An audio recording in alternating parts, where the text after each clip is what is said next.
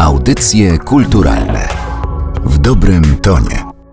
To są audycje kulturalne, podcast Narodowego Centrum Kultury. Ja się nazywam Aleksandra Galant. Na początek tej rozmowy chciałam zaproponować przeniesienie się w czasie, w taką przeszłość odległą i nieodległą, bo do roku 2015 to jest zaledwie kilka lat, ale myślę, że zastanawiając się nad tym, ile się przez ten czas zdarzyło, można pomyśleć, że to było wieki temu. Otóż w 2015 podczas otwarcia wystawy Wróblewski według Wajdy, Andrzej Wajda powiedział następujące słowa. To są słowa, które bardzo utkwiły mi w pamięci, które które zwróciły moją uwagę bardzo mocno. Mam nadzieję, że będzie tak samo w waszym przypadku. Otóż Andrzej Wajda powiedział, było takie powiedzenie w czasach mojej młodości. Ktoś kogoś stawia do pionu. Otóż malarstwo Andrzeja Wróblewskiego stawiało do pionu malarzy. Andrzej Wróblewski był artystą, który za życia sprzedał tylko jeden swój obraz. Obraz pod tytułem Obraz na temat okropności wojny. Myślę, że można powiedzieć, że dzisiaj to jest także jeden z jego bardziej rozpoznawalnych obrazów. Dopiero po śmierci, i to kilka lat po jego śmierci, Andrzej Wróblewski zaczął być nazywany jednym z najwybitniejszych i najbardziej samodzielnych polskich artystów powojennych. Dlaczego tak jest i co takiego niezwykłego ma w sobie malarstwo Andrzeja Wróblewskiego, można przekonać przekonać się odwiedzając Muzeum Narodowe w Lublinie. Tam do 27 sierpnia można oglądać wystawę Wróblewski i Po. Sztuka realizmu bezpośredniego. O tej wystawie zgodził się w dzisiejszym odcinku opowiedzieć profesor Marcin Lachowski z Muzeum Narodowego w Lublinie, główny kurator tejże wystawy. Bardzo dziękuję, że przyjął Pan zaproszenie i zgodził się wziąć udział w audycjach kulturalnych. Dziękuję bardzo, dziękuję za zaproszenie do programu. Rzeczywiście w Lublinie, w Muzeum Narodowym w Lublinie odbywa się wystawa poświęcona twórczości Andrzeja Wróblewskiego, ale jest to wystawa także pomyślana nieco szerzej. No, oprócz tego, że prezentujemy dzieła artysty i to w dużym wyborze, starając się zaakcentować takie główne okresy jego twórczości. Prezentujemy około 100 prac artysty. No, takim zasadniczym też tematem tej wystawy jest poszukiwanie pokazywanie następstw i aktualności tej twórczości artystycznej także dzisiaj wśród współczesnych artystów i nie tylko wśród artystów, którzy tworzyli w kolejnych dekadach PRL-u i czasach transformacji ustrojowej, ale także właśnie i dzisiaj. Ta wystawa no, ma pewnego rodzaju taką tezę badawczą może, żeby zobaczyć Wróblewskiego przez pryzmat jego interpretatorów. Jeżeli pan się zgodzi, to zanim zaczniemy rozmawiać, chciałabym trochę naszkicować portret twórczości Wróblewskiego, żeby łatwiej było rozumieć tę recepcję współczesną. Kiedy ja czytałam o Wróblewskim, kiedy ja zgłębiałam jego twórczość, miałam wrażenie, że to był człowiek w nieustannym konflikcie, takim konflikcie artystyczno-zawodowym, w jakimś konflikcie między abstrakcją i figuratywnością, między kapistami i artystami i malarzami nowoczesnymi. Gdzieś tam był ten socrealizm, że on był rozdarty między tym wszystkim, a co więcej zdaje się, że środowiska, które reprezentowały poszczególne nurty, dosyć niechętnie patrzyły na to, kiedy kierował się w przeciwną stronę. Rzeczywiście ta jego twórczość może być tak widziana jako takiego artysty, który który szedł trochę na uboczu, trochę pod prąd zasadniczym tendencjom artystycznym. Ta twórczość była realizowana w bardzo krótkim okresie czasu, bo w gruncie rzeczy pomiędzy 1947 a 1957 rokiem przedwczesnej śmierci artysty w tym dziesięcioleciu artysta zrealizował no, olbrzymie założenie artystyczne i w tym dziesięcioleciu można by było wyróżnić kilka okresów. Można by wypełnić tą biografią artystyczną, biografię innych kilku przynajmniej artystów. Był twórcą niezwykle różnorodnym, zmiennym, podążającym własną drogą i realizującym w swojej sztuce sprzeczne czasami tendencje. Jego twórczość rozpoczynała się od takich prób, pomijam już same takie akademickie jego studia, to takimi samodzielnymi tematami w jego twórczości pierwszymi były obrazy abstrakcyjne. To w obrazach abstrakcyjnych starał się podążać za znaczeniami wpisanymi w nowoczesność zaraz powojenną ta nowoczesność zaraz po wojnie charakteryzowała się rzeczywiście taką dużą rozpiętością formu malarstwa abstrakcyjnego, zasilanego i surrealizmem, i neoplastycyzmem. Sam Wróblewski odbył podróż do Holandii, gdzie miał okazję poznać źródła artystyczne związane właśnie z abstrakcją geometryczną i z twórczością Pieta Mondriana. Te jego wczesne prace, one miały taki charakter właśnie uproszczonych, geometrycznych struktur, ale tworzonych przez niego w sposób taki bardzo niestabilny, poruszony. Były to kompozycje asymetryczne, przełamujące czystą paletę barwną, działał właśnie taką raczej dysharmonią, tworzył konstrukcje kształtów plastycznych, które były świadectwem takiej próby scalania powojennego świata, ale takiego świata, który właśnie zyskiwał zmienną, nietrwałą strukturę.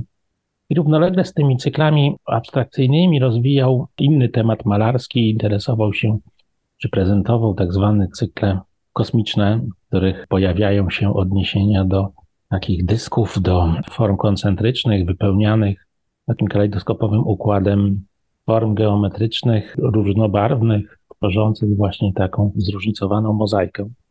Tych cyklach kosmicznych, jakby nawiązujących także do takiego zasadniczego przesłania, może i awangardy, ale i takiej interpretacji no, awangardy po wojnie, chciał odbudować świat form plastycznych niejako od nowa więc posługiwał się rzeczywiście takimi najbardziej podstawowymi figurami plastycznymi, którym nadawał sens kosmiczny, jakby łącząc się z takim projektem odbudowy form plastycznych i odbudowy jakby rzeczywistości za pomocą sztuki według takiego idiomu awangardowego, malewiczowskiego, malującego przecież także podstawowe formy plastyczne, nadając im znaczenia uniwersalne.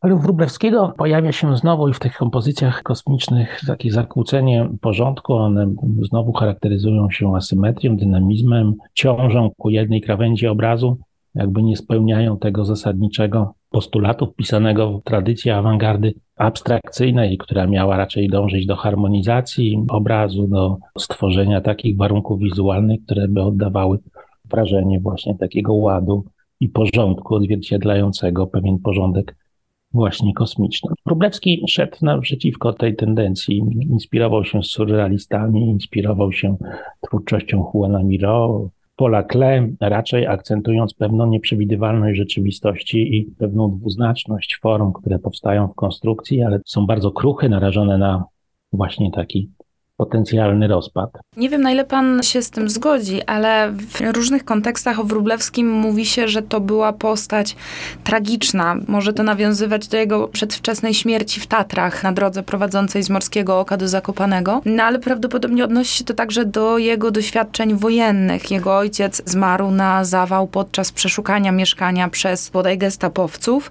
To widać w jego pracach. Motyw śmierci, motyw wojny, motyw rozstrzelania to jest, można powiedzieć, jeden jeden z najważniejszych cykli jego pracy. Zdecydowanie taki, chyba najbardziej też utrwalony naszej pamięci takiej kulturowej dotyczącej sztuki XX wieku. To jest oczywiście takie pytanie odnoszące się nie tylko do Wróblewskiego, na ile taka indywidualna biografia artysty jest właściwym kontekstem do tłumaczenia wszystkich zjawisk artystycznych, a na ile artysta podejmuje decyzję w obszarze pewnych konwencji artystycznych je przełamując, przekształcając, modyfikując, nadając im nowe znaczenie czy własne znaczenia, ale u Wróblewskiego to spięcie wydarzeń wojennych i, i taka potrzeba fundowania nowego świata, powojennego świata wobec tej refleksji związanej z doświadczeniami wojennymi jest takim bardzo wyraźnym czynnikiem kształtującym jego twórczość, zwłaszcza w tym wczesnym okresie 48, 9, 50 roku. Ta śmierć ojca na artysty spowodowana atakiem serca, ona rzeczywiście ma swoje reperkusje w twórczości Wróblewskiego, kiedy odwołuje się wprost w taki realistyczny sposób do momentu przeszukania, ale także w jego rozstrzelaniach jest to prezentowanie nagłej, takiej okrutnej śmierci,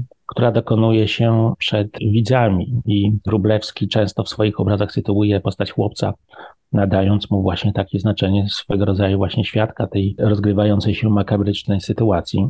Wróblewski rzeczywiście rozwinął taką myśl potrzebę wyrażenia doświadczeń wojennych jako takich doświadczeń, które nie mają tylko wymiaru indywidualnego, ale mają wymiar powszechny, uniwersalny, są powszechnym doświadczeniem całego pokolenia. To przywoływanie tego doświadczenia okupacyjnego wydawało mu się koniecznym przepracowaniem i punktem wyjścia dla zbudowania innego świata, innej rzeczywistości.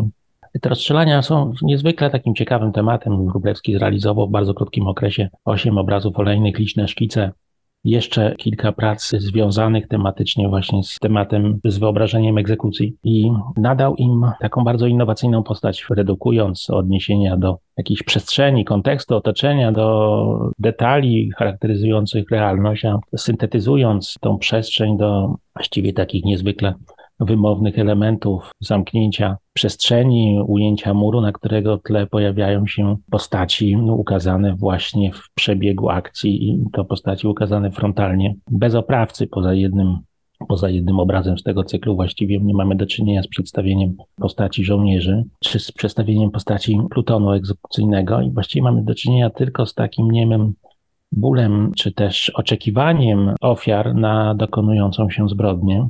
Ten moment oczekiwania rzeczywiście jest, jest wyrażony przez Wróblewskiego bardzo wymownymi gestami, często właśnie gestami zaciśniętej dłoni albo wiązaniem, czy też uściskiem dłoni sąsiednich osób i wreszcie rozpadem ciała, rozkłabałkowaniem ciała i pokryciem go błękitną farbą jako oznaczeniem właśnie następującej śmierci. Tymi obrazami nieustannie stajemy twarzą w twarz, jakby sytuując się w roli świadków tego zdarzenia, a z drugiej strony te obrazy pokazują rzeczywistość, przebieg akcji w taki sposób symultaniczny. Na jednym obrazie następują po sobie kolejne sekwencje prowadzące od życia do śmierci. I ten motyw właśnie takiego surrealistycznego przejścia, tego doświadczenia radykalnej inności, radykalnej, odmiennej rzeczywistości wydaje się być sensem tego cyklu, tych prac.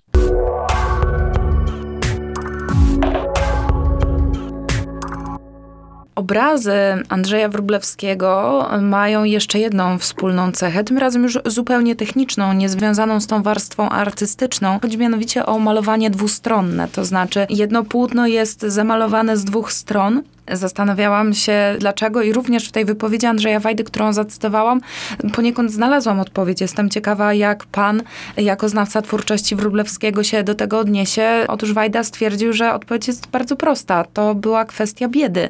Poza tym on, nie mając za życia wystaw, nie sprzedając obrazu, nie mógł spodziewać się, że będzie to pewna trudność wystawiennicza. Po prostu malował z dwóch stron, bo tak było taniej. Ja myślę, że to jest jakiś taki zasadniczy powód tego zabiegu technicznego, który podjął Andrzej Wróblewski, że rzeczywiście takie powody ekonomiczne na to by wskazywały. Zresztą te płótna, którym stosował, były bardzo słabej jakości. No, jeśli dzisiaj patrzymy na nie pod światło, no to one mają taką fakturę prześcieradła, że właściwie jesteśmy w stanie zobaczyć światło, które prześwituje przez te płótna. One były wykonane rzeczywiście z takich bardzo prowizorycznych i, i możliwych do wykorzystania materiałów. Kryje się może jeszcze za tym inna też historia, którą odsłonił podczas wystawy Recto Verso kurator wystawy zrealizowanej w Muzeum Sztuki Nowoczesnej, Eric de Chassy.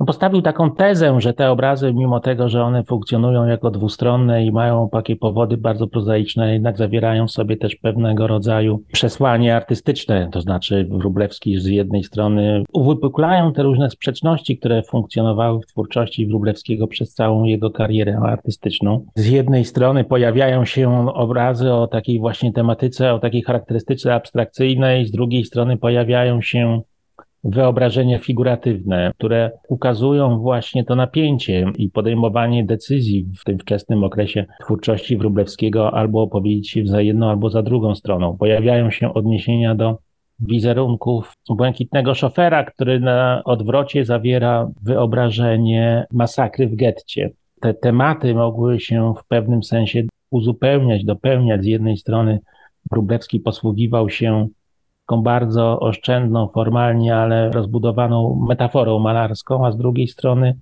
odnosił się do takich faktograficznych ujęć pewnych wydarzeń historycznych. Więc w tym sensie można by było także postrzegać obrazy dwustronne jako dające świadectwa pewnym wahaniom, pewnym wyborom artystycznym, które dokonywał Wróblewski w swoim wczesnym okresie twórczości, eksponując właśnie takie wahanie.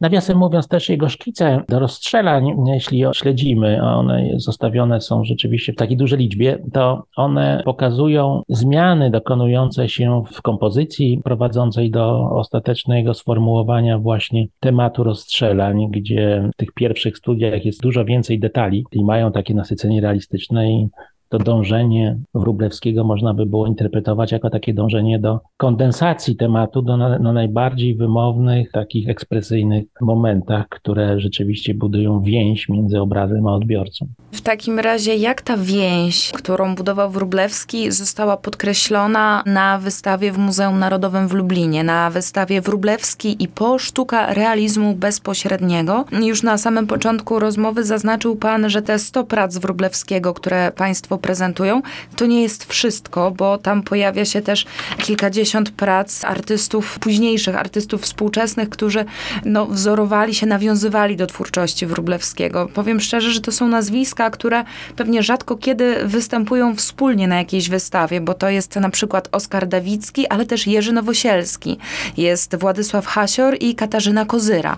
To prawda, to znaczy też z różnych powodów powiedzmy się tej pracy znalazły. Jerzego Nowosielskiego czy Jonasza Sterna chcieliśmy pokazać jako może nie rówieśników, ale artystów tworzących w tym samym jakby kontekście artystycznym i pokazać pewną wspólnotę poszukiwań artystycznych w obszarze abstrakcji albo tworzenia właśnie takich doświadczeń związanych z zagładą czy z Holokaustem. Natomiast zasadniczym tematem tej wystawy jest rzeczywiście to, żeby posłużyć ją tym hasłem realizmu bezpośredniego, który też w swoich takich tekstach krytycznych wypowiadał Andrzej Wróblewski mając na uwadze taką konstrukcję obrazu, która nie będzie realistyczna w sposób taki dosłowny, mimetyczny, iluzyjny, ale właśnie będzie prowadziła do stworzenia dużego ładunku, czy wydobycia dużego ładunku emocji za pomocą właśnie składni figuralnej i abstrakcyjnej, która może działać w sposób jednoznaczny na odbiorcę, powodować pewien wstrząs, oddziaływać w sposób właśnie taki niezwykle intensywny. Rozstrzelania wydają się być chyba najlepszym spełnieniem tego